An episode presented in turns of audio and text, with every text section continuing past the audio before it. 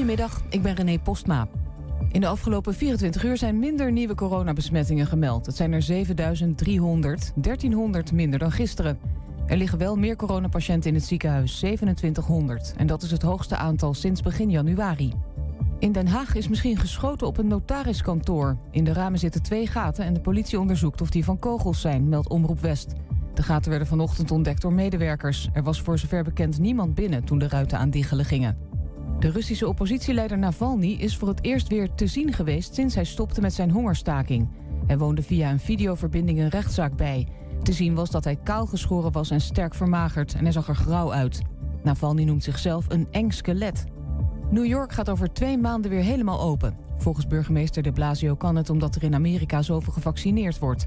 New York is de afgelopen maanden meerdere keren in lockdown gegaan, maar vanaf 1 juli kan iedereen weer winkelen naar het theater of een restaurant. Het weer, in het noorden regenachtig, vanuit het zuiden klaart het op en er staat een stevige noordenwind. Vannacht kans op een bui bij een graad of 4, morgen af en toe zon en 13 graden. En tot zover het ANP-nieuws.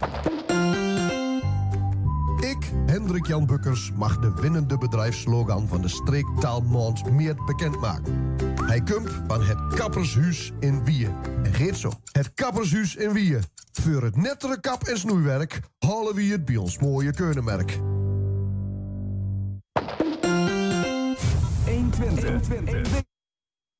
Iedere dag praten we hierbij over alles wat er in Twente gebeurt. Via radio, tv en online. 120. Wijkbudgetten in Enschede. Wat moeten we ermee? Een nieuw gemeentehuis brengt diepe verdeeldheid in Tubbergen. Enschede krijgt een boete van 600.000 euro van de privacywaakhond voor het toepassen van wifi-tracking. En juf Adrie is terug voor het Twents kwartierken. Het is donderdag 29 april en dit is 120 vandaag. We beginnen met uh, de wekelijkse persconferentie, het persmoment van Veiligheidsregio Twente. Die gaat uh, over de actuele coronasituatie in onze regio. Uh, hoe staat het ervoor met de cijfers en hoe staat het ervoor met eventuele versoepelingen? Wat hebben die opgeleverd? Wat vinden ze er eigenlijk van? En collega Ernst Bergboer zat bij dat persmoment. Ernst, goedemiddag. Hi, goedemiddag. Een bewogen dag. De, dit persmoment nog even tussendoor. kunnen we wel zeggen. Ja. Ja. Ehm, was er iets uh, in dat persmoment waarvan jij had, zoiets had van... wow, dat was even een ding, dat had ik niet verwacht? Ja, ik, ik had even gedacht dat je naar mijn gezondheid zou vragen. Met tranende oogjes. Hoe gaat het met je? Ja. nee, dat doen we op een later moment. Oh ja, is goed. Nou, het is een beetje hooikoorts. Um, nou, weet je, op, op zich, uh, de cijfers stijgen. Nog steeds, ook in Twente. Uh, of echt met name in Twente zou je kunnen zeggen. Dat is landelijk niet per se zo. Wij kruipen steeds meer richting dat landelijke gemiddelde. Of zitten daar soms zelfs al boven. Um, nou ja, dat afgezet tegen de versoepelingen, die natuurlijk ook hier ook gelden. Um, ja, de, de uh, plaatsvervangend voorzitter sprak van uh, dat het fijn is dat we weer kunnen genieten. Maar dat we moeten genieten met verstand. Dit, nou ja, je, je, je hoort overduidelijk dat er wel wat zorgen zijn over toenemende cijfers. Uh, uh, 5,5% meer besmettingen dan vorige week. Uh, Gaat dat om absolute besmettingen of ook om dat, dat beroemde vindpercentage? Als nee, in, ja, nee, dit, dit zijn uh, nieuwe besmettingen, 1717. Ja. Voor de, dat is een stijging van 5,5% ten opzichte van vorige week. Landelijk is er een daling van 2,9%. Um, en per 100.000 inwoners betekent uh, er zijn er 272 mensen nu besmet. Mm -hmm. uh, in Nederland is dat 318, dus dat is, uh, dan zitten we weer wat onder dat landelijke gemiddelde. Ja, ja. Maar we kruipen daar wel steeds meer naartoe. Dus je ziet gewoon dat de cijfers stijgen. En weet je, de vraag is een klein beetje, is ook een vraag die ik wel gesteld heb. Van, is dat nou een soort ingecalculeerde stijging? Want je kan je voorstellen, als je versoepelt, terrassen opengooit, scholen weer open, ja, dat dat automatisch leidt tot meer contact tussen mensen en dus tot, uh, tot meer besmettingen. Dus hoe erg is die stijging? Of is het een ingecalculeerde stijging, zou ik maar even zeggen? -hmm. Ja, dat weet, uh, dat is een vraag die, uh, die ze hier in Twente ook niet goed kunnen beantwoorden. Maar die stijging zou natuurlijk nooit kunnen komen door de versoepelingen die nu zijn ingezet, toch? Nee. Want dat zie je dan pas later ook. Klopt. dat, dat, is, dat is zo, maar er waren natuurlijk wel wat meer versoepelingen. Hè? Scholen die open zijn, ook middelbare scholen die open gaan. Uh, wat ten opzichte van vorige week was het nog zo die stijging vooral onder jonge kinderen zichtbaar was. Hè, of kinderen van 0 tot 19. Ja. Nu is die zichtbaar over alle uh, leeftijdscategorieën. Mm -hmm. um, nou ja, goed. Um, nee, maar je hebt gelijk natuurlijk ja. dat de versoepeling. Maar ja, het, het, betekent wel dat als je, als je nu gaat versoepelen in een situatie waarin cijfers stijgend zijn nog op dit moment, hè, of in ieder geval op een vrij hoog plafond mm -hmm. uh, uh, blijven hangen, stagneren, Ja, dan mag je, mag je aannemen dat met die versoepelingen... dat, dat, dat die tijd dat er nog wel even zo hoog Nou, blijft. hoe, hoe kijken ze daarna dan? Toch nog wel een, met enige argwaan? Want in die zin er een beetje is vanaf wie je het vraagt. Als je het, tricky de- keuze eh, Ja. geweest uiteindelijk. Ja, dat klopt. Nee, de, de keus ligt natuurlijk niet bij de veiligheidsregio Twente. Die hebben er ook eigenlijk niets meer over te Nee, maar zij gaan wel over de veiligheid van ons als inwoners. Ja, dat is een beetje het punt. Dus het is maar een beetje wie, wie, wie het... Als, als je, als je het eh, Samantha Din- Dinsdag, Dinsbach vraagt, eh GGD-directrice...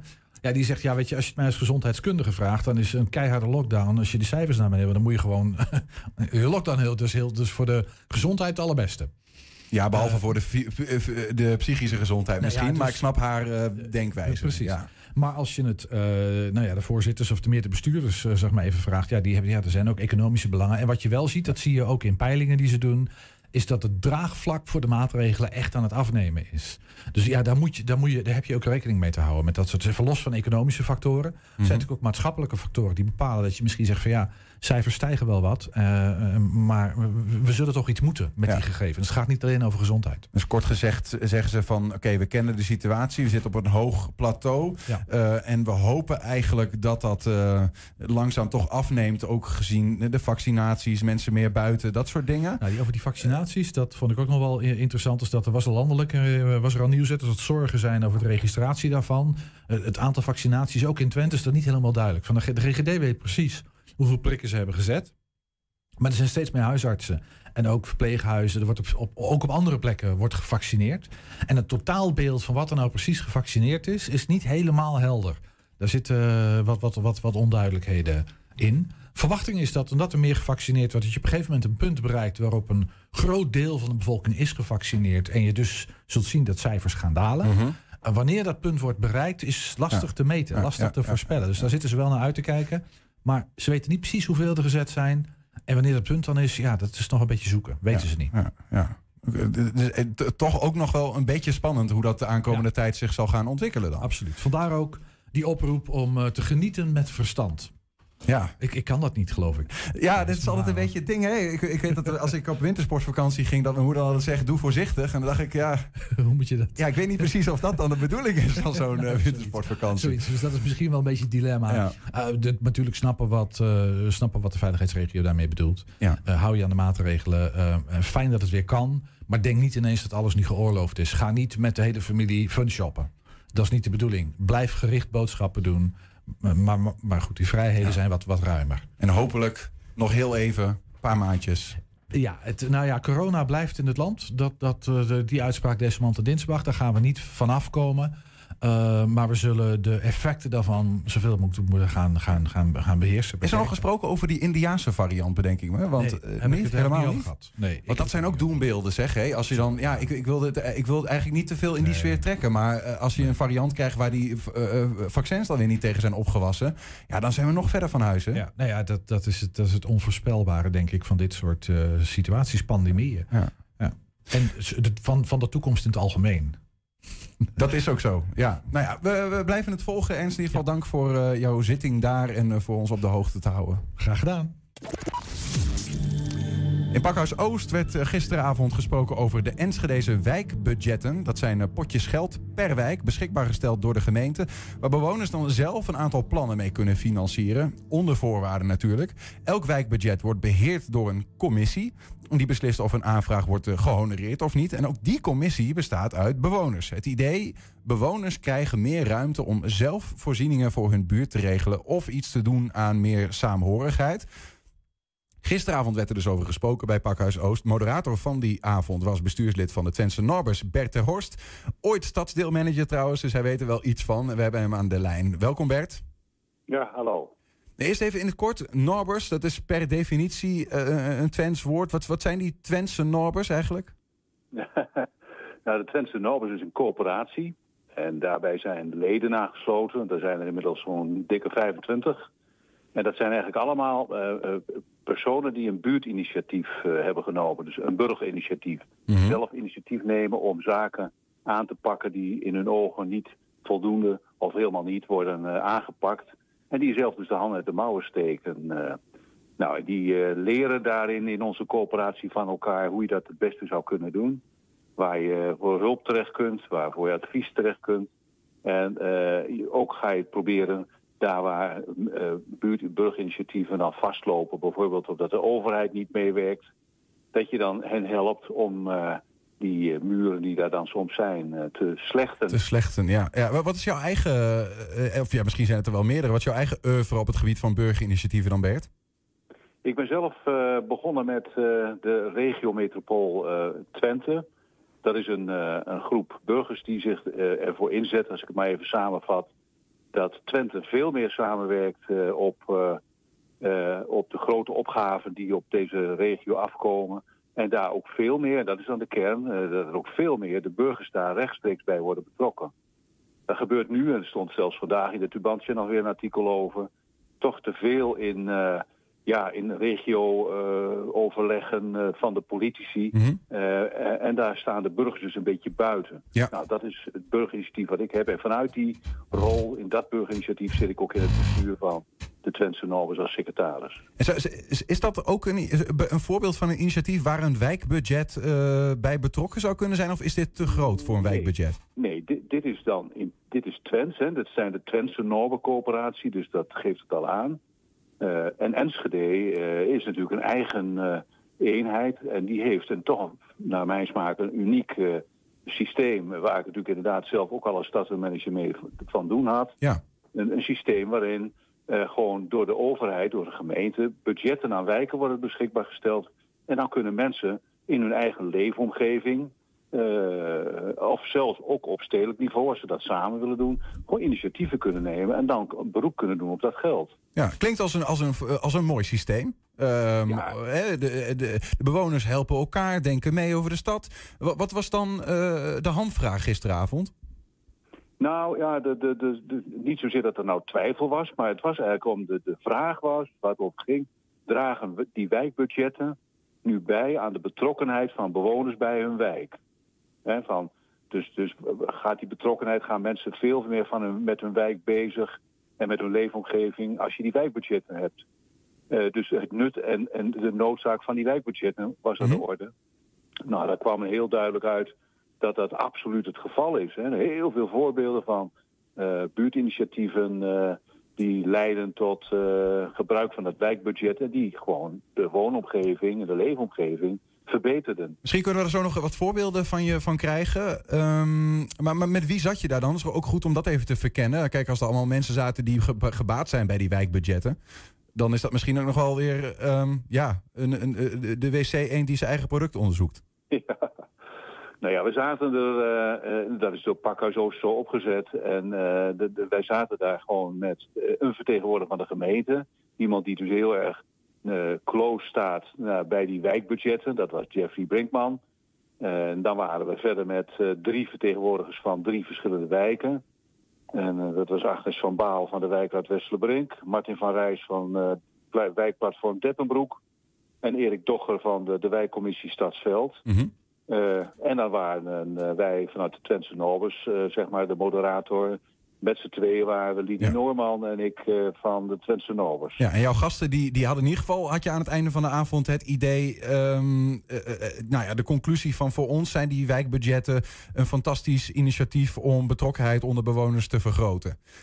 Ja, zij waren het helemaal mee eens. En vanuit de chats, hè, want je kon ook chatten, er waren 34 mensen online die in, in bij deze livestream waren ze gewoon aanwezig. En die, daar kwamen toch over het algemeen meer opbouwende, constructieve vragen uit... die uh, ja, toch allemaal positief uiteindelijk uh, eindigden. Hoe moet ik me dat voorstellen, Bert? Hoe zo'n wijkbudget, hoe dat werkt? Is er, um, moet ik bijvoorbeeld, als ik een goed idee heb, dat idee indienen en kan ik zoveel geld krijgen als ik maar vraag? Of zit daar een bepaalde. Hoe, hoe werkt dat eigenlijk? Hoe groot zijn die budgetten en waar, waar worden ze voor gegeven en waarvoor niet? Nou ben ik natuurlijk niet ingehuurd om zelf die wijkbudgetten, die, beheer ik niet meer. Hè? Even voor alle duidelijkheid. Ik was nee. de moderator gisteren, dus ik kan de inhoudelijke kennis niet helemaal uh, ophoesten. Maar je moet het zo zien, dat stel dat een aantal bewoners in een, uh, een pleintje die met z'n twintig en daar, twintig gezinnen die daar wonen, denken van hé, hey, dat plantsoentje, daar wordt alleen maar door de hond gepoept, maar wij willen daar graag een speelwerktuig, uh, een schommel en dus, dus een behoorlijke speelvoorziening willen we daar realiseren. Mm -hmm. Dan gaan ze met elkaar om tafel en als er dan draagvlak is, en het werd zelfs even genoemd als dan 70% van die bewoners dat graag wil, Dan gaan ze naar de, de, de, de commissie die dat wijkbudget beheert en zeggen... kijk, we hebben die en die speeltoestellen, dat hebben we helemaal uitgewerkt. En uh, dat kost ongeveer 6000 euro. En wij willen graag het wijkbudget daarvoor aanspreken. Uh, ja. En dan uiteindelijk, nadat ze daar allerlei dingen over uitzoeken... gaan ze dat uh, in overleg met de gemeente die het dan voor hen neerzet... gaan ze dat realiseren. En dat wijkbudget wordt ook beheerd door bewoners? Zijn dat de bewoners van diezelfde wijk dan? Nou, ik, ik, ik heb begrepen dat het model, zoals ik het kende, werd het door de gemeente beheerd. Dat, dat, dat je niet, dat ze ook niet allerlei financiële dingen moeten doen. Maar ik weet niet of dat nu nog ja. zo is. Daarvoor ben ik toch ook al vijf jaar met pensioen, dus ik, eh, dat weet ik niet. Je sprak, je sprak een aantal verschillende, zei je net, een aantal mensen uit verschillende stadsdelen, uit verschillende wijken ja. in Enschede. Is er ook een verschil uh, te zien tussen die wijken over hoe, of, of, die wijkbudgetten effectief zijn, hoeveel geld er uh, in omgaat, of er aanspraak op wordt gedaan, dat soort dingen? Ja, maar dat het zou mij. Ik, ik, ik ga mij niet wagen of dat, dat de ene nou veel beter doen dan de andere. Maar het bleek wel dat zeker in de periode van corona, waarbij heel veel dingen heel veel moeilijker liepen. Maar dat toch in de Westerbrink, en dat is toch ook een hele grote wijk, laten we dat ook wel uh, niet vergeten, uh, daar is toch wel heel veel gerealiseerd. Ondanks corona. Mm -hmm. En ja, het is ook andersoortig. Dat, dat, de behoeften zijn natuurlijk ook verschillend. Hè. De andere was Deppenbroek. Daar is, daar is gewoon ook heel veel geïnvesteerd in het, in het trefcentrum Bijen. En van daaruit gaan weer allerlei andere dingen uh, gerealiseerd worden. Ja. En dat is een heel belangrijke voorziening in een toch veel kleinere wijk dan uh, de Westerbrink. Is het, is het, is het uh, idee van wijkbudgetten? Um, hoe, hoe, ja, dat is misschien een moeilijke vraag, maar hoeveel inwoners zijn eigenlijk op de hoogte van zo, dat, dat die budgetten er zijn en, en maken zich er ook druk om? Is dat een grote groep in, in bewoners of, of is er een relatief kleine groep die het eigenlijk uitmaakt met elkaar? Nou, dat, dat was, is een hele goede vraag, want daar eindigden we ook mee. Van wat zijn nou conclusies? Hè? Als je zo met elkaar daarover van gedachten wisselt, kan het allemaal wel helemaal mooi mooi zijn, maar kan het nog beter? En toen werd ook wel geconcludeerd dat de, de informatie, de, de, de, de, de, de kennis over van dat zo'n wijkbudget bestaat en wat je ermee kunt, dat kan en moet beter. Dus het zou een actiepunt kunnen zijn, met name denk ik ook voor de gemeente, maar ook voor de wijkraden dat er nog een soort promotiecampagne moet komen van uh, dat er wijkbudgetten er zijn. Mm -hmm. Dat je daar gebruik van kunt maken en hoe dat dan werkt. En wat je daar ook voor moet doen, want natuurlijk de inzet van bewoners moet er wel zijn. Uh, ja, en dan hoop je daarmee ook uh, groepen burgers te bereiken die nu misschien wat, uh, ja, het wat laten afweten die niet zo ja. gewend zijn om daar meer daarvan gebruik te maken. Ja, want even, even voor toch, toch, ik weet niet of je daar, de, daar zelf van op de hoogte bent, maar hoe groot is zo'n wijkbudget? Of verschilt dat? En wat is de maximale grootte? Of wat, hoe, moet ik aan denken eigenlijk? Nou, dan moet je toch wel heel snel denken aan een uh, 80.000 euro bijvoorbeeld. Uh, staat me zo bij voor Stadsveld. Dat is per initiatief of voor de hele wijk? Nee, nee, voor de hele wijk. Oh, ja. Dat wordt dus jaarlijks toegekend. Ja. En dan worden daar, nou ja, op een gegeven moment is het een keer op natuurlijk. En soms ook, dat is ook een belangrijk punt, soms gaat het niet op. Dan worden er dus weinig initiatieven genomen. En dan is in beginsel, gaat het dan weer terug naar de gemeente. En die gaat dat dan weer verdelen over de andere stadsdelen. Want sommigen komen weer, die hebben tekort. Dus dan komt Ja. er weer wat bij. Ja. En zo, zo wordt het een beetje glad gestreken. En dan is er ook nog een wijkoverstijgend budget van eh, in totaal volgens mij ook een eh, enkele tonnen uh, wat aan, waar aanspraak op gemaakt kan worden. Want sommige dingen die gaan niet per wijk, maar die, die zijn wijkoverstijgend. En de winst is in ieder geval uh, van die wijkbudgetten zien we dat naast dat bijvoorbeeld het, het, het, het poepveldje uh, tot een speeltuin wordt gemaakt, uh, bijvoorbeeld, dat het ook gewoon echt de betrokkenheid van inwoners in een, in een wijk verhoogt. Hebben we gisteravond Ja. gezien. Ja, dat, dat kwam er gisteren uit. Maar ik vind zelf ook eh, dat bijvoorbeeld de verheffing van mensen... eh, eh, dus eh, de educatie, dat ze groeien in hun... ja, de manier waarop je dan met anderen moet gaan praten over van wat gaan we doen en zo. Dus mensen krijgen ook meer, meer, ja, meer capaciteiten en die groeien in hun kracht. En dat is op zich natuurlijk een, een, sociaal aspect wat niet onbelangrijk is. Nou, dank eh, Bert voor, eh, voor de uitleg. En eh, nou, mooi dat dat weer even op de kaart is gezet. En nou ja, dus het, het gedachtegoed van om het wat breder bekend te maken, dat is een van de winstpunten die misschien wel weer terug worden, kunnen worden gegeven aan de politiek in Enschede. Ja, en nog een laatste, als ik die nog even heel kort mag zeggen. Mhm. Dat ze gezegd hebben na gisteren van, weet je wat, we gaan meer van elkaar leren. Dus er komt ook een soort, ik noem maar even een leerkring... waarin ze met elkaar gaan praten van hoe doe jij dit en hoe doe jij dat... zodat ze van elkaar leren om het allemaal nog beter te doen. Dankjewel, Bert ter Horst, over dus die eh, Pakhuis Oostavond over wijkbudgetten in Enschede. Bert, dankjewel. Graag gedaan. Zou jij, eh, Julian, even tussendoor, hè, zou jij, eh, als jij nou, als jij nou een, een bakje geld kon aanspreken, Ja. wat zou jij dan in je eigen leefomgeving veranderen? Dat is best wel een moeilijke vraag, maar heb jij iets waarvan je zegt, nou daar stoor ik me best wel aan? In, eh, Ehm, ja, bij ons op, op, op eh, Stadsveld, wij hebben veel eh, ja, enorm hard rijdende mensen door onze straat. Dus misschien daar wat aan doen, een extra drempeltje of zo. Ja, die, eh, dat zijn van die, eh, van, die we- 30, van die 30 kilometer of 15 kilometer Ja. wegen waar ze toch gewoon Nou, lekker... eh, mijn, mijn huis zit ergens bij een oude achteringang van een, een beroemd blauw supermarktenmerk.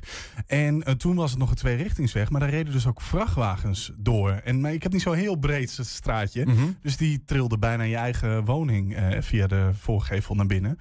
Eh, maar als het ook maar een beetje glad is, dan, eh, dan ging het al mis bij, eh, bij ons. Want dan glijden ze bij ons bijna de, de, de, de, ruit voor op ons huis in. Ja, ja. ja, ik, heb, ja, nou ja, ik, ik zit ook even te denken aan dat verkeer. Ik woon zelf, ik heb dat wel eens vaker verteld, in, in de binnenstad van Enschede. Maar daar heb je dus helemaal geen hardrijdend verkeer. Dus ik heb dat probleem niet zo. Eh, en eh, op zich, ja, woon ik daar prima. Ik, ik vind het ook wel best wel een moeilijke vraag altijd. Hè? Van, eh, als, je, als je wat zou kunnen doen, wat zou dat dan zijn? Dat is best wel een grote vraag. Ja. Ehm, en ja, wat, wat zou er dan beter kunnen? Ja, op zich vind ik het allemaal best wel prima gaan of zo. Ik heb daar niet zo heel veel meningen bij. Ehm, we gaan door. En misschien is het, misschien is het goed. volgens mij worden we nu door onze, Ja. onze volgende gast gebeld. We gaan Ja. nog één keer proberen. We zijn proberen om een, om een volgende gast aan de telefoon te krijgen. Het gaat over het eh, glashoes in Tubbergen. In Tubbergen is nogal verdeeldheid. Ja, want eh, eh, we kunnen denk ik langzaam al wel die kant op. Want zometeen, ja, ik denk dat ze ergens al in de gang staat. Juf Adrie die is ook aanwezig. Want we gaan het weer hebben eh, eh, in het Twents kwartier een paar extra woorden. We gaan weer eh, de straat op. En dan komen we er vanzelf wel achter hoe en wat. Ze loopt nu langzaam ook de studio in. Zullen we gewoon naar het Twenskwartier gaan? Ah, dan gaan we gewoon Dan naar het eh, Twents kwartier, gaan we joh. ondertussen proberen of we, of we onze volgende gast aan de lijn kunnen krijgen. We gooien het lekker om vandaag. No problem, want eh juf Adrie is hier. Adrie, welkom.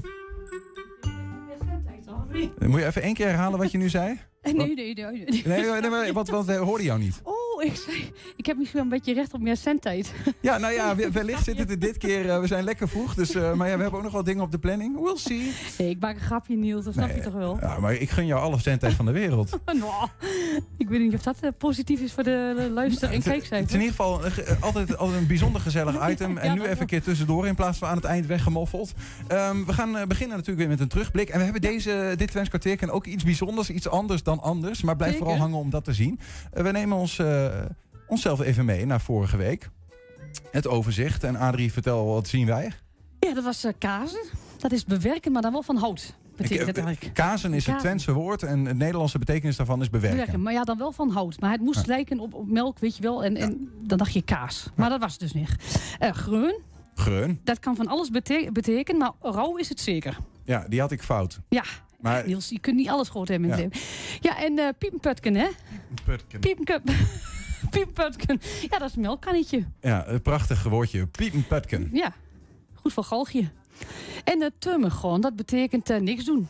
En wat heb jij eh, bij Koningsdag gedaan? Oh, uh, genomen. Turmig, ja, dat heb ik ook gedaan. Beetje bij die teumig gewoon. Ja, wisten we dat waar het in zat, dat teumig? Wat is dat eh, voor, eh, waar komt dat vandaan? Ja, zal ik dat opzoeken? Zal ik dat doen? Teumig, Zal ik dat doen? teumig gewoon. Turmegon. Nou, ik kunnen we misschien even, dat kun je even doen. Weet je, we gaan gewoon eerst kijken eh, naar de video. En dan kun je, we kunnen het opzoeken, komen we zo terug waar het teumig gewoon vandaan komt. Ja. Ehm, zometeen hebben we een nieuwe quiz waarin we wat nieuwe woorden leren. Die gaan dit keer niet over de video bij de museumfabriek, maar over iets anders. Daar komen we zo meteen op. Maar we hebben toch een video van Ernst en hij is weer bij de museumfabriek.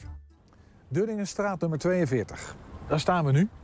Hier in de buurt is een put gegraven door ene Staring. Dat is geen dichter geweest, maar een wetenschapper. Een zoon van de dichter Staring.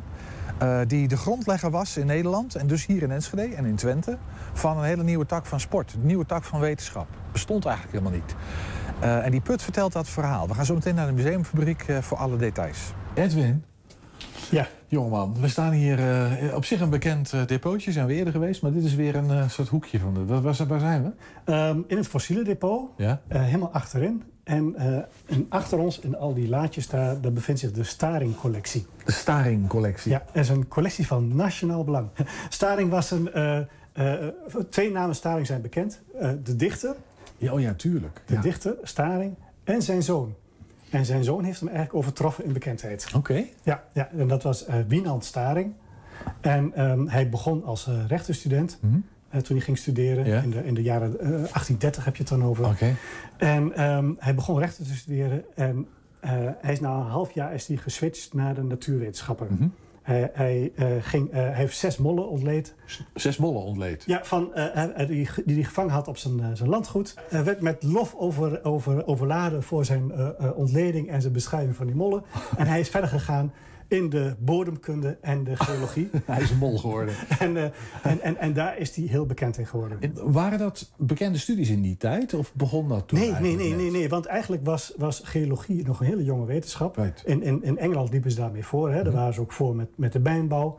Hè. Want geologie, je kijkt eigenlijk in, in, in de bodem. Hè. Je kijkt naar beneden en je probeert je een, een driedimensionaal beeld te vormen... van wat zich onder de bodem bevindt. Mm -hmm. En dat is natuurlijk voor belang van uh, voor grondstoffen. Oké. Okay. Voor, uh, hè, voor, voor, voor mijnbouw, voor, voor, voor stenen, voor klei. Dus het heeft een economisch belang? Ja, absoluut. Ja, maar ja. ook een wetenschappelijk belang, toch? En ook een wetenschappelijk. Ja. Maar, maar in, in, Engeland daar waren ze begonnen met een geologische kaart. In Nederland had dat nog niet. En uh, nou, uh, Staring die bekwamen zich in de geologie. En dat heeft hij... nou, hij kwam dus uit Lochem voor. Hij heeft zijn kennis hier eerst opgedaan. Hij is begonnen in Losser eigenlijk. Hij had ook een opdracht gekregen van de provincie... om daar uit te zoeken... Um, wat voor gesteente zit hier nou eigenlijk in de grond? Mm -hmm. He, en doe daar eens een boring en kijk wat voor gesteente er is. En wie weet zit daar hetzelfde in de grond als in Bentheim. De Hollandse koopmansgeest, toch weer. Ja, bedoel, en, het is en, niet het wetenschappelijke ja, belang, ja. nee. Dus Want die Bentheimer zandsteen uh, van hier net over de grens is heel bekend. Is het, is het uh, uh, Paleis op de Dam is daarvan gebouwd onder de oude andere. kerk toch hier in Ja, ook precies. Ja. Ja. En ze dachten misschien in Lossen zit het misschien ook wel in de grond. Kunnen we groeven, beginnen, geld verdienen. Ja. ja, wat, wat is dit? Uh, dit is een, dit is een, een, een, een, ja, een, een, een boorprofiel. Een boorprofiel? Ja, ja dus op schaal, uh, door, gemaakt door Staring zelf. Uh -huh. Zijn handtekening staat er niet onder. Maar iemand van Naturalis heeft de handschriften met elkaar vergeleken. En die heeft geconcludeerd van dus exact het handschrift van Staring. Het is gewoon een authentieke Staring, zeg ja, maar? Ja, ja, wel een of andere... Ja, hoe zeg netjes, Maloot heeft het ergens in de jaren 60 of 70 geplastificeerd. Hoe, hoe, hoe die boring? Even voor, want dit is, dit is op schaal, zei je al. Ja, het is op schaal. Die, die boring was, was bijna 100 meter. Okay. 100 meter diep. 95 meter diep, geloof ik, totaal. Dus flink diep. Ja. Uh, ze hadden subsidie ook van de provincie. En, maar die subsidie kwam in brokjes en stukjes. Mm. Uh, Bij elke meter kreeg je een paar euro erbij. Ja, ja, ja. op een gegeven moment uh, hadden eigenlijk dieper willen gaan. Maar ja, het geld was op. En, en op een gegeven moment hadden ze ook halve garen gereedschappen. Maar en, je moet je voorstellen, 100 meter is nogal een, een, een, een gat natuurlijk wat je graaft. Ja. Hè? Dus de, de bovenste lagen die waren allemaal uh, ook van, van metalen ringen eromheen. Hè? Dus dat je veilig kon, kon graven. Nou, hij nam overal monsters. Van, van wat je vond. Wat staat er, op, wat staat er hier nou, Hier staat, staat klei, uh, zand. Uh, Zo alles wat hij tegenkwam, maar grondsoorten? Ja, ja dat, dat, dat, staat hier. En dan heb je hier de dieptes en, en, en twee, twee maateenheden. En hier vind je een aantal bijzonderheden die je vindt. En daar staat dan bijvoorbeeld krijt, stukjes zwavelkies, stukjes hout. En hier onderin staat een stenen mossel, een versteende oester. Ah, ja. nou ja, dat, dat is wat hij hier uh, noteerde. Dus hij had allemaal. Hij haalde ook stukjes eruit, dat bewaarde hij. Uh, dus ook op andere plekken die hij boorde en dingen die hij vond die bewaarde. En die liggen dus hierachter. Ja, en hij heeft dus, nadat hij deze put geboord en nog een aantal boringen gedaan had, heeft hij een tentoonstelling uh, gemaakt om interesse te kweken voor zijn vakgebied. Dat deed hij in, in, in, uh, in Haarlem. Er liggen dus ook stukken die in die tentoonstelling waren. In 1845 heb je er nog weer over. Die hier in die, in die kast zitten. En toen kwam uh, de opdracht van de overheid... maak maar een geologische kaart van Nederland. Ja, ja. De eerste geologische... En uh, hij, hij was afgestudeerd. Zijn leermeester moest hij samen die geologische kaart meemaken. Nou, waar twee eigenwijze figuren kregen ruzie. En uiteindelijk kreeg Staring de alleenopdracht... om die geologische kaart te maken. En die is in 18... 58 of zo is die, uh, is die uh, voltooid. De eerste geologische kaart van Nederland. Dus eigenlijk een, een 3D-beeld van wat in de ondergrond de van, Nederland, van Nederland afspeelt. Uh, afspeelt. Nou, dit, dit, dit, is gewoon Deurningenstraat hier in Enschede. Ja, ja, ja. En dit is tot 100 meter diep geboord. En dit is... Nou, men heeft hier dus, dus geen water uitgehaald voor de stoommachines van de grote stoom. Hè, dat, is, dat, daar, daar, dat doel heeft hij gediend. Het is natuurlijk wel grappig dat vlak daar in de buurt later de, de Grols eigenlijk ook een diepe put heeft geboord. En hetzelfde water uit diezelfde Hetzelfde bron lagen, heeft gebruikt. Dezelfde voor, bron heeft gebruikt. Dus we hadden bieren, we hadden textiel. Ja, precies. Ja, het leven was compleet. Meer heb je niet nodig. Mooi man. Ja. Dus grootheid van de, in de Nederlandse wetenschap, die, uh, waar wij hier een soort kencollectie van hebben. En de grondlegger van de geologie, dat begon hier in uh, Oost-Nederland. Ja. Wederom een topstuk. Ja. Is, Wederom een topstuk. Edwin Plokker, uh, de, het orakel van, uh, van Twente. Met de diepe bodem aan kennis over de bodemkaart gesproken. Um, wij zouden, Adrie, normaal naar de quiz gaan om daar het aantal woorden van jou te leren die iets te maken hebben met dit object wat er ja. hier is behandeld. Uh, maar we gaan deze week heel iets anders doen.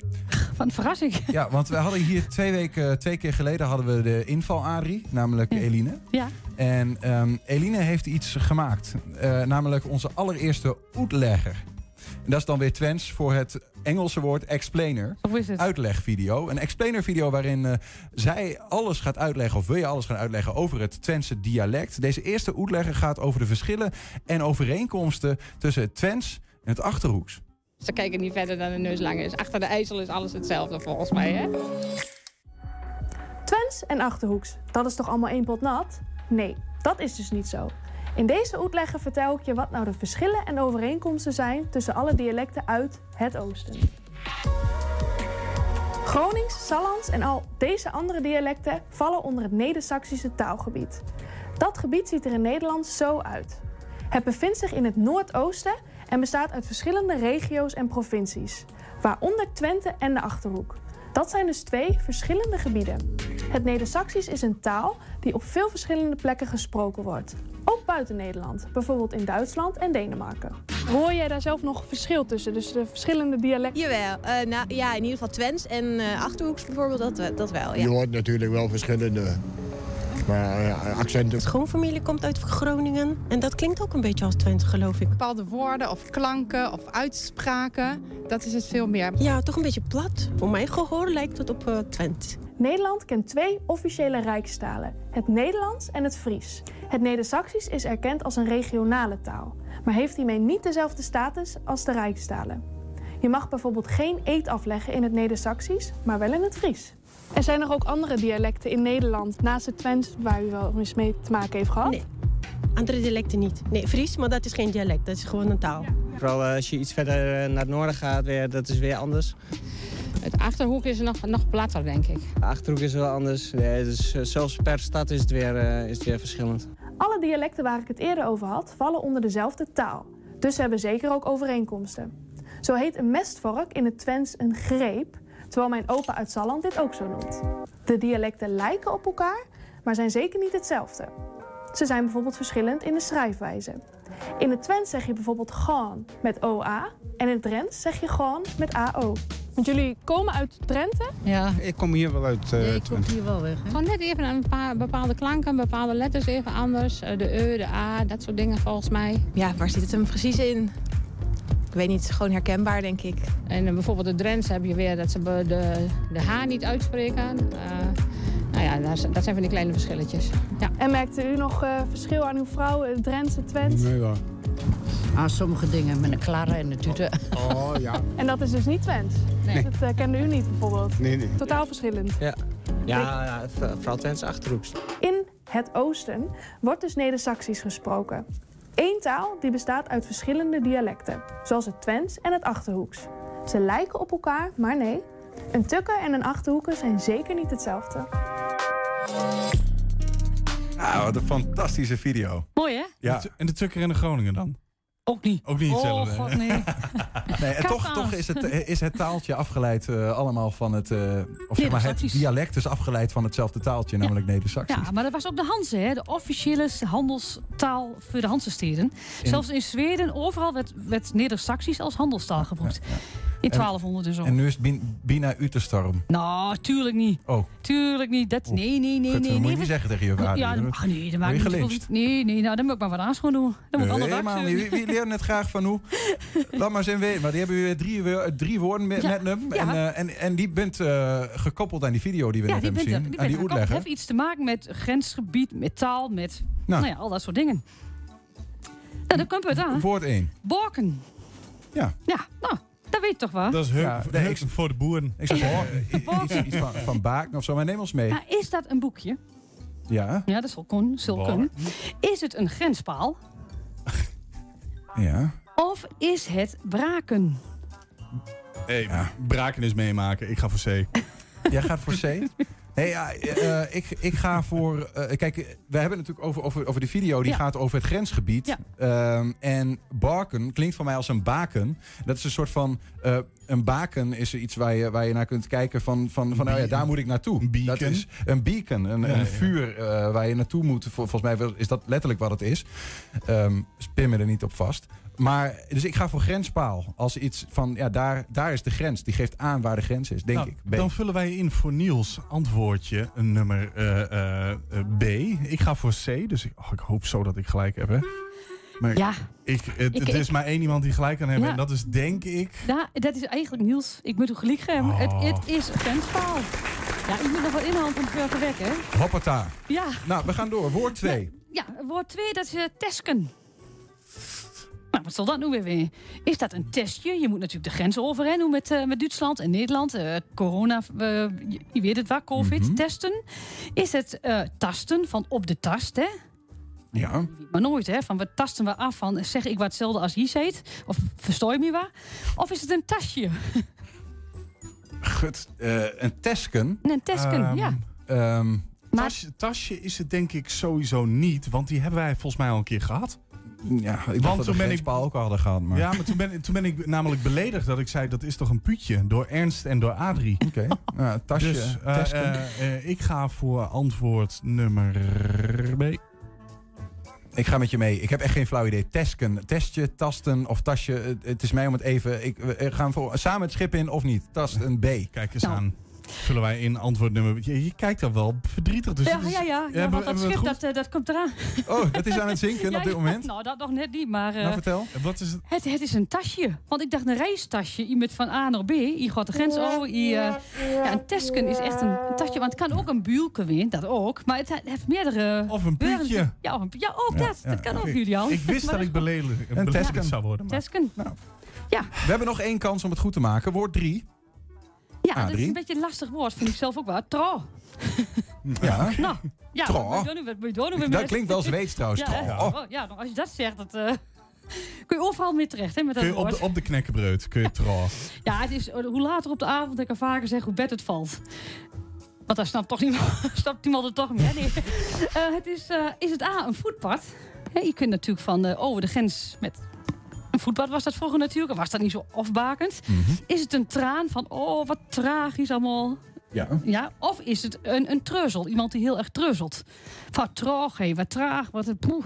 Traag. Traag. Treuzel. Traag. Traag. Ja, die vind ik dan te veel... eh, dat vind ik, een te goede uitleg. Ik- Traag, treuzel. ik, vind, ik vind treuzel wel heel mooi. Ja, Ja, vind ik ook en ik mooi. heb iemand dit weekend ook nog een treuzel genoemd. Dus, eh, Die zou je graag vanaf nu een Ja, willen noemen. Ja, die wil ik best wel graag een trouw noemen. Ik denk als jij dat doet, dan noem je hem een voetpad.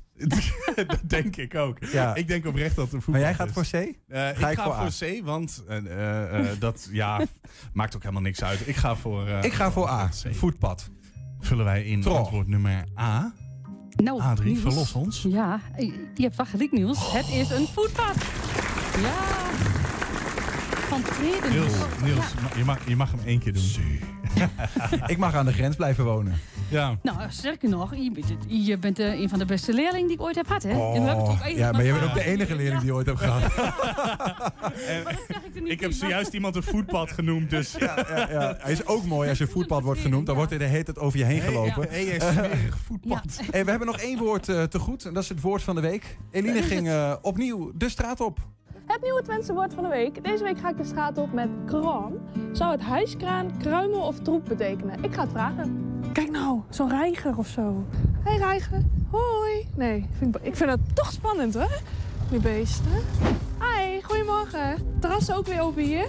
ja, zeker. Mooi. hey, het uh, Twentse woord kraam. Denk je te weten wat dat betekent? Kraam, eh, ik denk hijskraan. Waarom uh, ga je daarvoor? Kraam. Ja, ik weet niet, het klinkt, uh, ja, kraam. Ik denk aan kraan. dus dan hijskraan, ja. Ik kom niet uit Twente, dus, uh, maar... Gok je wagen als je deze drie woorden hier zo ziet? Ik denk kruimel. Het begint allebei met elkaar. ik weet het niet, ik gok maar iets. Zin in een uh, woordenquizje, hè? Twentse woord kraam. Denken jullie te weten wat dat betekent? Hebben jullie er wel eens van gehoord? Nee. nee. Ik ga voor troep. Troep. Ik denk hijskraan. Jij denkt hijskraan? Um, ik denk A, hijskraan. Ook van Ja, ik denk ook hijskraan. Ook hijskraan? Ja, ik denk ook hijskraan. Twentse woord kraam. Denkt u te weten wat dat betekent? Troep. Troep? Ja. Troep? Troep? Ja. Jazeker weet ik dat. Troep natuurlijk. U kent het? Ja. Nou, mooi. Bij, bij mij thuis is het altijd dus... Uh... Altijd kraam? ik zou B kiezen. Kruimel? Ja. En waarom gaat hij daarvoor? Kroom, ja. Denk ik. Ik weet niet. Het Twentse woord kraam. Heeft u daar wel eens van gehoord? Nog nooit. Hijskraan, kruimel of troep? Ik denk dat het troep is. Een beetje, beetje, beetje, beetje, beetje kruimels, een beetje, beetje rommel. Ik heb mijn uh, ogen weer gericht op uh, de boys in de verte. Het Twentse woord kraam. Denk je te weten wat dat betekent? Dat is, ja, dat weet ik wel. Dat is troep. Jij zegt Ja. meteen troep. Ja. Je kent het woord? Ja, Gebruik je het uh, zelf ook wel eens? Ja, mijn vader wel. Ik zelf niet. Is er een beetje een krom op jouw kamer dan? Ja, zeker. Ja? ja Ga, tuurlijk. gaan jullie met hem mee of denken jullie uh, dat het iets anders betekent? Ja, van het is wel troep, ja. Troep? Is wel troep, ja. Jij? Ik denk dat ook troep. Hallo meneer, hey! Troep. Oké. Okay. Waarom zeg je dat zo uh, zelfverzekerd, meneer? Uh, omdat jij ook al een kram op je bureau hebt. Helemaal niet. Yes, nou ik heb eigenlijk troep het meest gehoord. Een paar mensen die dat al meteen zeiden. Uh, hijskraan en kruimel ook een enkele keer. Ik heb zo mijn vermoedens, maar Adrie, vertel jij het maar. Ze heeft volgens mij het bureau opgeruimd, maar dat weet ik niet zeker. ja, dit is, ja, maar dit is, dit is voor mij een Ja, inkoppertje. inkoppertje. Familie Ja, ook. toch? Maar ja, je- ja, familie ook waar. Ik, ik, Maar, hier, maar Hein Kram, misschien is dat ook wel mijn, omdat mijn leven dat soms ook uh, nee, een beetje helemaal is. Je hebt allemaal goed. Uh, je stelt altijd juist de vrouwen. hè. Het Wa- is, het is troep. Het is troep. Ja, rommel. Dat hij er een kraam van maakt. Kom, ach. Ja, ach, hier, waar, waar, je- waar je een kwam van maakt, kun je ook weer opruimen. Dus Zo is maar dan net. En dat is net mooie bezigheidstherapie. Ja. Daarom. Wat is dat in Twents eigenlijk, bezigheidstherapie? Zoeken we Eh, even. op. Kraamschudden, nee. Ja, ja, ja, precies, ja. Eh Juffe Adrie, dankjewel voor deze eh, editie van het Twents kwartierken. Ja, nou hartstikke Waarin we een keer even de tijd hadden. Ja, dat, vind ik, dat valt ontzettend eh, goed. ja, dat mooi. valt goed bij mij. Daar gaan we over nadenken of we dat gaan voortzetten. Zo. Tuurlijk. Naar de evaluatiecommissie. Dankjewel, Adrie. Dan, er is Hommelus in Tubbergen. Een omstreden plan voor een, eh, nieuw gemeentehuis daar werd afgelopen maandag aangenomen door de gemeenteraad. Of althans door de lokale CDA-fractie. Maar die hebben een absolute meerderheid in Tubbergen. En hebben in principe dus geen steun nodig van andere partijen. En precies daar gaat het mis. Die andere partijen stemden tegen het plan. En onder hen ook partijen die met het CDA in de coalitie zitten. Aan de telefoon is fractievoorzitter van een coalitiepartij, namelijk Gemeentebelangen VVD. En dat is Noortje Haarman. Noortje, goedemiddag. Ja, goedemiddag. Jullie zijn niet zo heel blij met de handelswijze van het CDA. Eh, wij zijn eh, heel erg teleurgesteld en ik moet zeggen dat het maandagavond een hele gefrustreerde avond was. Ja. Waarom, waar, waar zit die frustratie vooral in? Ehm, nou, vooral dat het dus uiteindelijk eh, door het CDA is voorgestemd. Het was al bekend dat wij tegen zouden stemmen en ook van de andere partijen. Dat was vooraf al kenbaar gemaakt. Dat kwam in de raadscommissie ook al naar voren. Dat is altijd de vergadering die je dus voorafgaand op de raadsvergadering hebt, waarin het dus officieel wordt vastgesteld. Ehm, toen hebben wij in de raadscommissie alsnog een. eh, daarna hebben wij een amendement ingediend. En een amendement is dus een wijziging om het voorstel zo te wijzigen. ehm, zodat de partijen eigenlijk met een compromis bij elkaar komen. Om het toch voor iedereen eh, ja, goed te laten voelen en door te laten gaan. Ja. ehm, in dat amendement stond om eens eerst onderzoek te doen naar andere alternatieven. Lijkt mij heel logisch als je zo'n grote uitgave gaat doen van Ja, want, 16,5 miljoen Precies, euro. 16,5 miljoen voor dat nieuwe gemeentehuis. Ja. Ja, wij betalen dit dus eh, in 40 jaar terug en dat is eh 413.000 euro per jaar, dus eh, reken maar uit. Mhm. Ja, 16,5 miljoen euro, nou een, echt een gigantisch bedrag. Ik kan mij, eh, nou ik ben zelf 24 jaar, maar ik kan mij niet herinneren dat dit eh, in Tubbergen eh, heel vaak is gebeurd. Zo, nou, zo heel lang draai ik ook nog niet mee in de, in de lokale politiek. Dus, eh, Maar het is veel geld. Precies. Het is heel veel geld. En dan lijkt het mij heel logisch dat je ook naar andere alternatieven gaat kijken. Ja. En dus niet alleen eh, dit eh, glashoesconcept. Ja. Ehm, dat is dus niet gebeurd. En wij merkten ook bij de inwoners dat er dus heel weinig draagvlak was voor dit plan. Zeker ook omdat het om zoveel geld gaat. Inwoners staan hier, nou, staan hier eigenlijk niet achter.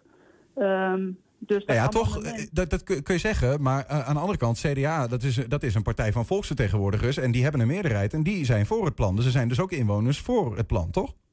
Ehm, daar gaan zij vanuit. Wij kunnen die enthousiaste reacties in ieder geval niet ontdekken. En de andere partijen ook niet. En wij lezen ook heel veel eh, reacties van CDA'ers die hier totaal niet achter staan. Maar dan is het toch een. een- dan, dan is het Dus toch een. vinden het ook heel moeilijk te bevatten dat dit besluit is genomen. Maar dan is het toch ook een, een, een, bijna een doodsteek voor de eigen partij, als dat echt zo is. Want dan gaat het CDA nu een plan doorvoeren waar eigenlijk niemand achter staat. En dat is dan, ja, wie, eh, eh, ik bedoel, dat is toch ook eh, onverstandig. Eh, Kun je enigszins raden waarom zij dat besluit hebben genomen?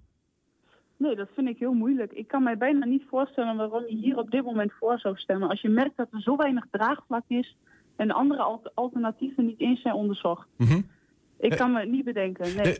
Er- is, wel een ander alternatief. Want even om het, om het, eh, om het eh, te kaderen. Dit gaat over een nieuw gemeentehuis. Er is al zes- 16,5 miljoen euro. Veel geld. Ehm, de bedoeling is ook dat het gemeentehuis wat meer, eh, dat er wat meer reuring komt. Nou ja, dan was Ja, het. ja. eh, eh, en het is dan- inderdaad, eh, ja, het is ontstaan vanuit het idee om meer reuring te creëren op dat plein in Tubbergen. Mhm. Ik weet niet of jullie het plein kennen in Tubbergen, maar daar zijn ze al heel lang bezig om daar, ja, om daar dus meer reuring te krijgen. En zo'n nieuw gemeentehuis zou daar dan aan bij moeten dragen. Maar ja, dan moet je dus afvragen, moet dat dan 16,5 miljoen euro kosten en moet dat op deze manier? Ja, want wat is de manier die nu beoogd is in dit plan? De, de, wat ga, hoe gaat het eruit zien en welke partijen zitten er in dat gemeentehuis Eh, nou, om die reuring te veroorzaken? Er komt bijvoorbeeld wel een bar in. ehm, en het sociaal domein verhuist naar het gemeentehuis toe. Eh, en wij zien ook heus wel iets in samenwerken. Maar ik weet niet of het sociaal domein en ehm, bijvoorbeeld allerlei commerciële partners die daar nu naartoe gaan, of die daar die reuring gaan brengen. Nee. En een alternatief En- was, wat, wat geopperd is, om een hotel ook ehm, te maken, in samen, ja, een soort van hotel te integreren in het verhaal, hè? Ehm, nou, er was dus ehm, in, de, in het huidige voorstel, eh, dus bij het glashoes, ehm, zou dus eigenlijk 20.000 euro besteed worden aan een synergieonderzoek om hiernaast nog een hotel kwijt te kunnen. Maar goed, met het gigantische glashoes dat gebouwd wordt, even, eh, even heel logisch, maar daar gaat niet nog een groot hotel naast passen. Plus kom je ook nog weer in de knel misschien met parkeerplekken. Tenminste, als er ook nog gasten bij het eh, eh, hotel moeten komen, ehm, lijkt mij dat logisch. Dat er dan misschien ook meer parkeerplekken nodig zijn. Eh, maar dat is iets dat dan achteraf nog onderzocht zou moeten worden. En er was ook een hotelinitiatiefgroep. Ehm, die wilden hun plannen dus ook presenteren aan de raad. Nou, daar werd elke keer van gezegd, ja, dat kan niet meer, dat kan niet meer, want we zijn al met glasjes bezig. Dus daar is niet heel veel gehoor aan gegeven, heel jammer. Ehm, want zij hadden bijvoorbeeld het idee om ehm, zelf te investeren in dat hotel. En dat zouden wij bijvoorbeeld daarnaast een deel als gemeentehuis kunnen huren of kopen. Maar het, eh, het, het is best eh, uiteindelijk ehm, eh, een gedetailleerd verhaal wat je nu vertelt. Maar de grote lijn is in ieder geval ehm, dat er eigenlijk ook door het, door het college niet wordt onderzocht wat de andere mogelijkheden zijn. Als nee, in, nee wij, inderdaad, wij hebben in juli 2019 hebben wij het college opdracht gegeven om deze business case glashoes verder uit te werken. Toen hebben wij heel nadrukkelijk gevraagd, komt er nog een go or no-go moment? Nou, die was dus nu afgelopen maandag. Eh, daarop hebben wij dus nee gezegd.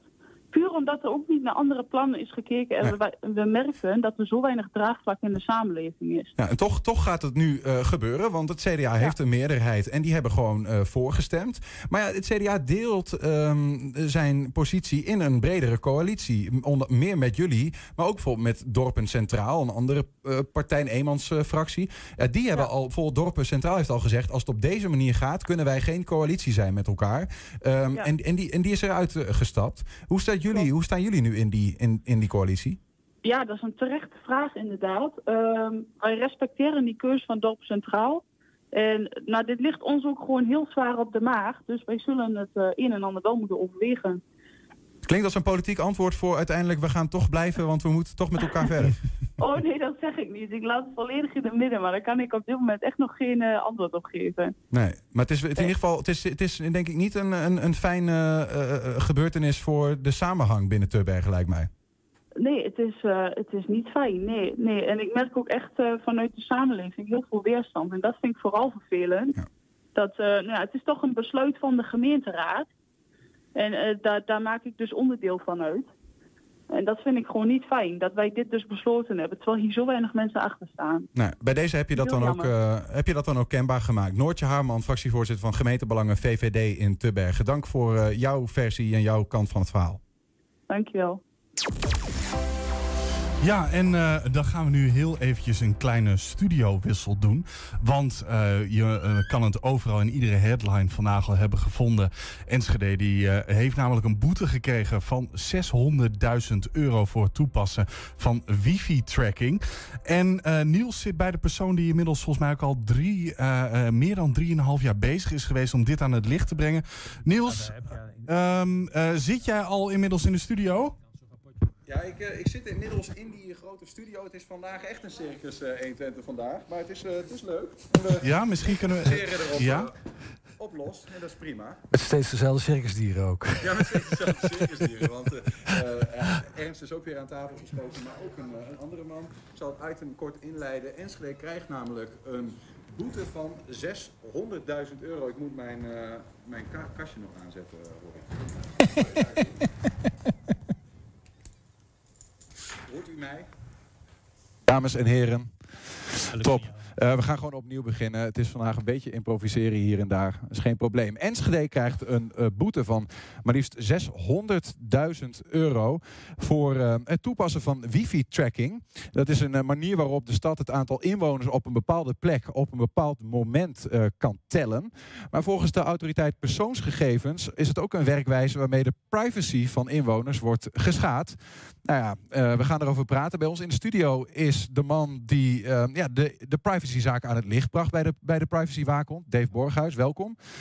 En ook uh, collega Ernst Bergboe zat vandaag bij een persmoment dat uh, de gemeente Enschede gaf toen dit allemaal naar buiten kwam. Um, misschien Dave, om bij jou te beginnen. 600.000 euro boete voor Enschede door jou toedoen. Hoe voelt dat eigenlijk? Ja, wel een beetje dubbel eigenlijk. Het ging in eerste instantie sowieso niet om de boete. Het ging mij erom dat de uh, gemeente Enschede zou stoppen met wifi-tracking. Dat was mijn doel. Um, en dat daar een boete aangekoppeld is, ja, dat heeft uh, autoriteit persoonsgegevens uh, bedacht. Ja. Zou je het uh, opnieuw doen als je wist dat dit de uitkomst zou zijn? ja, eigenlijk wel. Toch sorry, wel? Sorry, sorry. maar daarvoor is, weegt de, de, de crime zeg maar te zwaar. ik vind dat jij in Enschede onbespied moet, kunt rondlopen. Hm? En op het moment dat je met wifi-tracking gaat beginnen, ja, dan wordt eigenlijk iedereen 24-7 gevolgd. Dan vind ik dat toch de grote inbreuk van de privacy. Jij bent uh, een, een, een techneut. Jij snapt hoe dit werkt en kunt ons misschien in begrijpelijke taal proberen uit te leggen. Wat, wat is hier nou aan de hand? Wat is hier nou het probleem? Uh, de essentie is dat uh, persoonsgegevens worden vastgelegd in de database. En dat mag niet. En ja, je kunt er discu heel discussie over houden of, of een, een MAC-adres, dus dat, dat is je hardware-ID van de telefoon. Mm -hmm. Um, daar, daar, doen ze wat trucjes mee. Of dat nog steeds een persoonsgegeven is, ja of nee. Mm -hmm. uh, maar autoriteit persoonsgegevens heeft heel netjes in een rapport aangegeven van ja, we hebben vier mensen uit deze data gehaald. Eh, dus ja, je kunt zeggen dat er geen privacygegevens meer zijn. Maar ja, wij hebben er wel vier personen uitgehaald. Ja. In, in de binnenstad van Enschede bijvoorbeeld zijn punten waarop gekeken wordt, wordt gemeten welke, welke telefoons komen hier langs. hè? En dat wordt gekeken door middel van een wifi-verbinding. En, en de autoriteit persoonsgegevens die zegt, je kunt eigenlijk doordat je die telefoons kunt herkennen op verschillende plekken, zou je kunnen vastleggen bijvoorbeeld Niels Veurink loopt van die plek naar die plek op dat tijdstip. Nou ja, en, en dat weten is eigenlijk ehm privacy technisch uit den boze. Ja. ja, dat is een goede samenvatting. Dat klopt. Jij hebt de gemeente Enschede hier in een heel vroeg stadium zelf al over geïnformeerd, toch? Ja, ik, eh, ik heb inderdaad aangegeven eh, eh, wat ze deden en eh, ook gevraagd van ja, hoe, hoe werkt de techniek dan? We hebben te maken met hashes en, en dat soort dingen allemaal. Ehm, ja, ik vond dat ze, eh, wa- wat er nou gebeurde is dat ze het ene geheime nummertje vervangen door een ander geheim nummertje. Dat is leuk en aardig, maar dan dan is het nog steeds een uniek nummertje, dus nog steeds identificeerbaar naar een persoon. Ehm, even kijken, 30 november is een brief eh, vanuit de autoriteit persoonsgegevens naar alle, geme- alle gemeentes in Nederland ingegaan van eh Jannes eh, mag alleen in uitzonderlijke gevallen. Dus dat had eigenlijk een heel grote waarschuwing voor ja, iedereen in, eh, in Nederland eh, moeten zijn van je moet even heel goed opletten wat we doen. Wanneer was dit, Dave? Even om Eh, te- de 30 november 2018. 2018, oké. Dus dat is al een tijdje geleden. En ik, ik vermoed, als de gemeente op dat moment had gezegd van oké, we stoppen en we starten niet meer op, dan, dan was de kous ook af geweest. Eh, maar eh 1 januari eh, is gemeente Enschede weer opgestart met een paar aanpassingen. Waarvan het bureau die het allemaal uitvoert zei van ja, we hebben wat dingetjes aangepast. En nou is wat niet meer gepseudo-anonimiseerd, maar geanonimiseerd. Nou ja, en daar kun je een discussie over houden of dat wel of niet het geval is. En ja, uit het rapport blijkt dat dat eigenlijk gewoon niet het geval is. Ze zijn in ieder geval wel bewust langs, ehm, langs de thin line, langs de dunne lijn gelopen. Ehm, en en ja, het, het verwijt wat je gemeente Enschede kunt maken, en dat is achteraf gelul natuurlijk, is dat ze niet kritisch zijn geweest van, ehm, ja, beste partij, jullie zeggen dat het privacy veilig is, maar is het ook echt privacy veilig? En kun je dat ook aantonen? En ja, kun je, daar kun je heel veel kritische vragen bij stellen. Nou ja, dat vind ik dus wel interessant. Want Ernst, eh, jij zat bij, die, eh, bij het persmoment. ehm, en jij hebt hier ook een artikel over geschreven. waarin je zegt eigenlijk dat de gemeente. de kern van het verweer van de gemeente. want ze gaan in, in, eh, in bezwaar tegen deze boete. zeggen in hoeverre eh, het de stad verweten kan worden. dat er niet helemaal volgens de privacyregels gehandeld is. Nou, al- als ik het verhaal van Dave hoor. dan hadden ze in ieder geval kunnen weten dat het een dunne lijn was. Nou ja, kijk, het, het, het- het- wat de gemeente zegt is dat eh, er zijn, ze ontkennen niet dat er een paar momenten zijn geweest eh, waarop, ze, waarop er signalen waren van hey, doen we het wel goed. Ze zeggen in het allereerste begin, toen we hiermee wilden beginnen, zijn we naar de autoriteit persoonsgegevens gestapt. Hebben we gezegd, dit is ons plan, dit is de techniek. Kan dat? Toen heeft de autoriteit heeft meegekeken en gezegd: ja, dat, dat valt binnen de wettelijke kaders. Dat was voordat de, de, de, de, de, de, de wet op de, op de privacy eh, van kracht was. AVG. De, de AVG, dankjewel. Ik was hem even, even, even naar op zoek. Eh, eh, dus toen de regels werden strenger, zijn ze opnieuw door de autoriteit persoonsgegevens gestapt en gezegd: zitten we nog on track? Kan het nog zoals we het doen? Ehm autoriteit persoonsgegevens heeft toen gezegd: ja, er loopt nu een procedure. Dat is vermoedelijk de procedure, maar dat is niet helemaal bevestigd, maar die, die, eh, die jij al bent gestart. We, we wachten eerst onder de uitkomsten van die procedure af. Ja. Dat was een moment geweest waarop de gemeente had kunnen zeggen: nou, dan wachten wij dat ook af. Uh, maar ze hebben toen um, uh, andere experts, externe experts ingevlogen. Uh, en die zeiden van nou, dit, dit, is, dit is veilig, dit, dit past binnen de AVG. Ook intern was dat het advies. En op basis van die twee adviezen heeft de gemeente toch gezegd... ja, we denken dat het zo kan. We denken dat we hiermee ja. binnen de marges van de... Want we hebben het nodig, we kunnen het zo goed gebruiken. Nou ja, het is, dat is dan de vraag, hè, van we kunnen het zo goed gebruiken, we hebben het nodig. Het kan ook ingegeven zijn door het verlangen van Enschede om toch voorloper te zijn. En een beetje... Weet je, van ja. uh, innovatief. Uh, mis, ja, misschien dat dat motieven zijn geweest.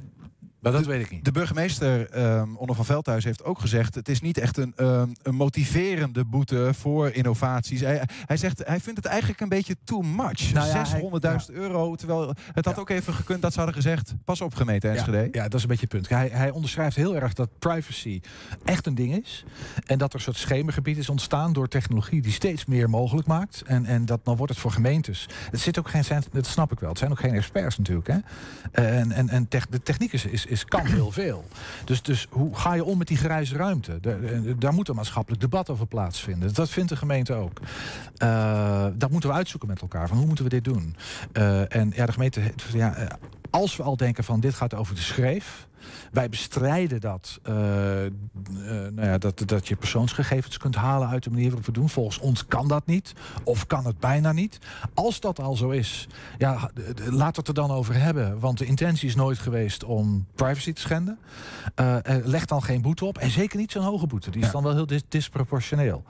Autoriteit persoonsgegevens heeft gewoon gezegd van ja, dit is wat er gebeurd is.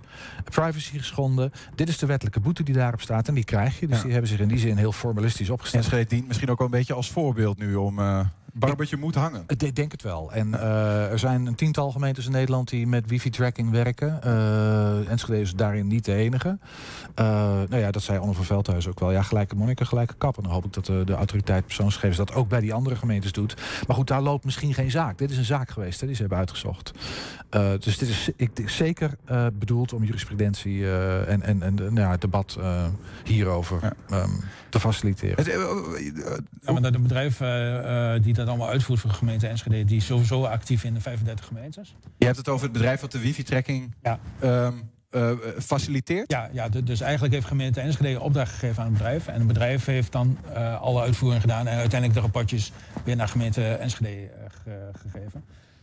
Een punt wat de autoriteit persoonsgegevens wel aangeeft van ja, gemeente Enschede heeft een dusdanig actieve rol gehad in, in het aan-uitzetten van de wifi. Dat ze ook de verwerkingsverantwoordelijke eh, eh, zijn. Dus de- dat, is de- dat je gewoon verantwoordelijk bent voor de techniek, zeg maar. Eh, en dus ook voor hoe- ja, hoe je dingen dan precies gaat uitvoeren. En welke bitjes je waar wel of niet aanzet. En dat soort dingen allemaal. En, en dat, daarom krijgt de gemeente Enschede ook deze boete. En ja, waarschijnlijk gaat de gemeente Enschede en de bedrijven ook met, onderling met elkaar bak, bakkeleien van ja, wie moet al wat betalen of dat soort dingen. Ehm, maar dat staat los van, van het besluit van de AP zelf, zeg maar. Uiteindelijk ben ik ook wel benieuwd hoe jij daar, daar dan naar kijkt, Dave. Want je bent eh, iemand die. eh, je bent ook een soort van privacy-waakhond. Hè? Je bent ook eh, lid van de Piratenpartij bijvoorbeeld. Je geeft om ge- ge- persoonsgegevens. Aan de andere kant ben je, nu zei ik al, een, een- een, techneut. Je houdt van techniek. Is toch ook een prachtige techniek dat we met dit soort slimme middelen inwoners kunnen tellen. En daar, daardoor met die data ook weer onze stad mooier kunnen maken. Hoe kijk je eigenlijk naar die balans? De technieken wel, maar daar zou je er wel een stukje moeite moeten doen. Dus uh, voor, voor, als je bezoekersaantallen live wil hebben, zeg maar. Wat je zou kunnen doen is een camera die dan niet hoog genoeg resolutie heeft. Dus geen face tracking kan doen. Mhm. Maar wel kan mensen tellen of de mensen het land erin lopen. Ja. Of je kunt kijken, uh, in Enschede zelf is er ook een wifi-netwerk waar je op in kunt loggen. Nou, je kunt daar een vinkje aanzetten dat je goed vindt dat je gevolgd wordt. Ja. Uh, en zo zijn er vast wel meer methodes te bedenken. Maar het, er is altijd een kans, als je het over innovaties hebt, dat je op een vlak komt waar nog weinig regelgeving voor Ja. is. Of waar we Maar- niet helemaal weten, zoals dat misschien Nee, maar nu dan, een beetje dan- het argument is. Maar dan moet je ook kritisch zijn van hoe gaan we dat doen en eh, hoe, doen, hoe doet het veilig. En ja, misschien kost het wat meer moeite of misschien kun je daar wat met minder leuke dingen doen, zeg maar. Dus jij refereerde net van Smart City, eh, eh, dat dat ja, wil Enschede zich profileren. Eh, ja, prima, maar dan, dan is er altijd de vraag van ja, hoe, hoe doe je dat nou privacygevoelig? En met Smart City sp- speelt ook nog de rol van ja, welke partij geef je welke data en wie is de eigenaar van de sensor zelf. Dat is een heel, heel andere discussie, daar gaan we het vandaag niet over hebben.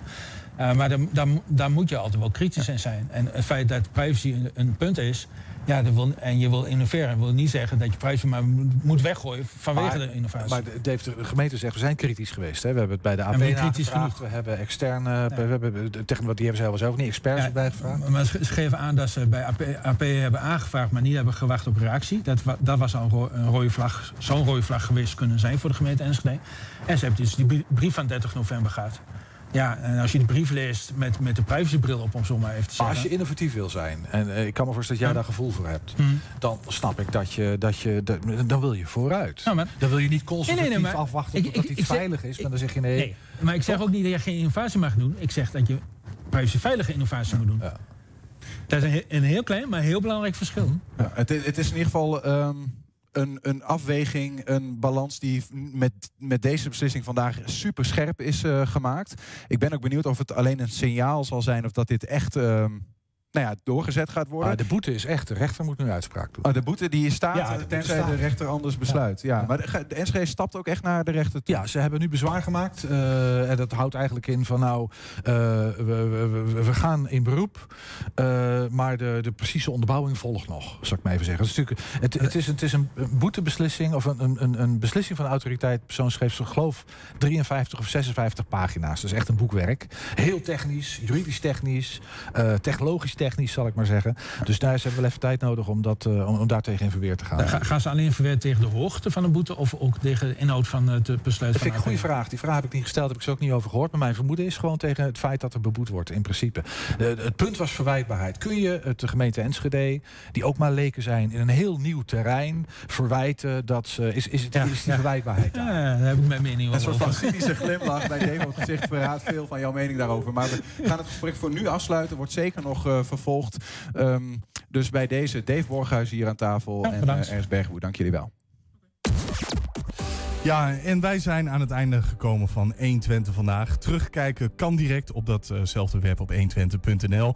En vanavond om 8 en 10 uur zijn wij ook nog eens op televisie terug te zien.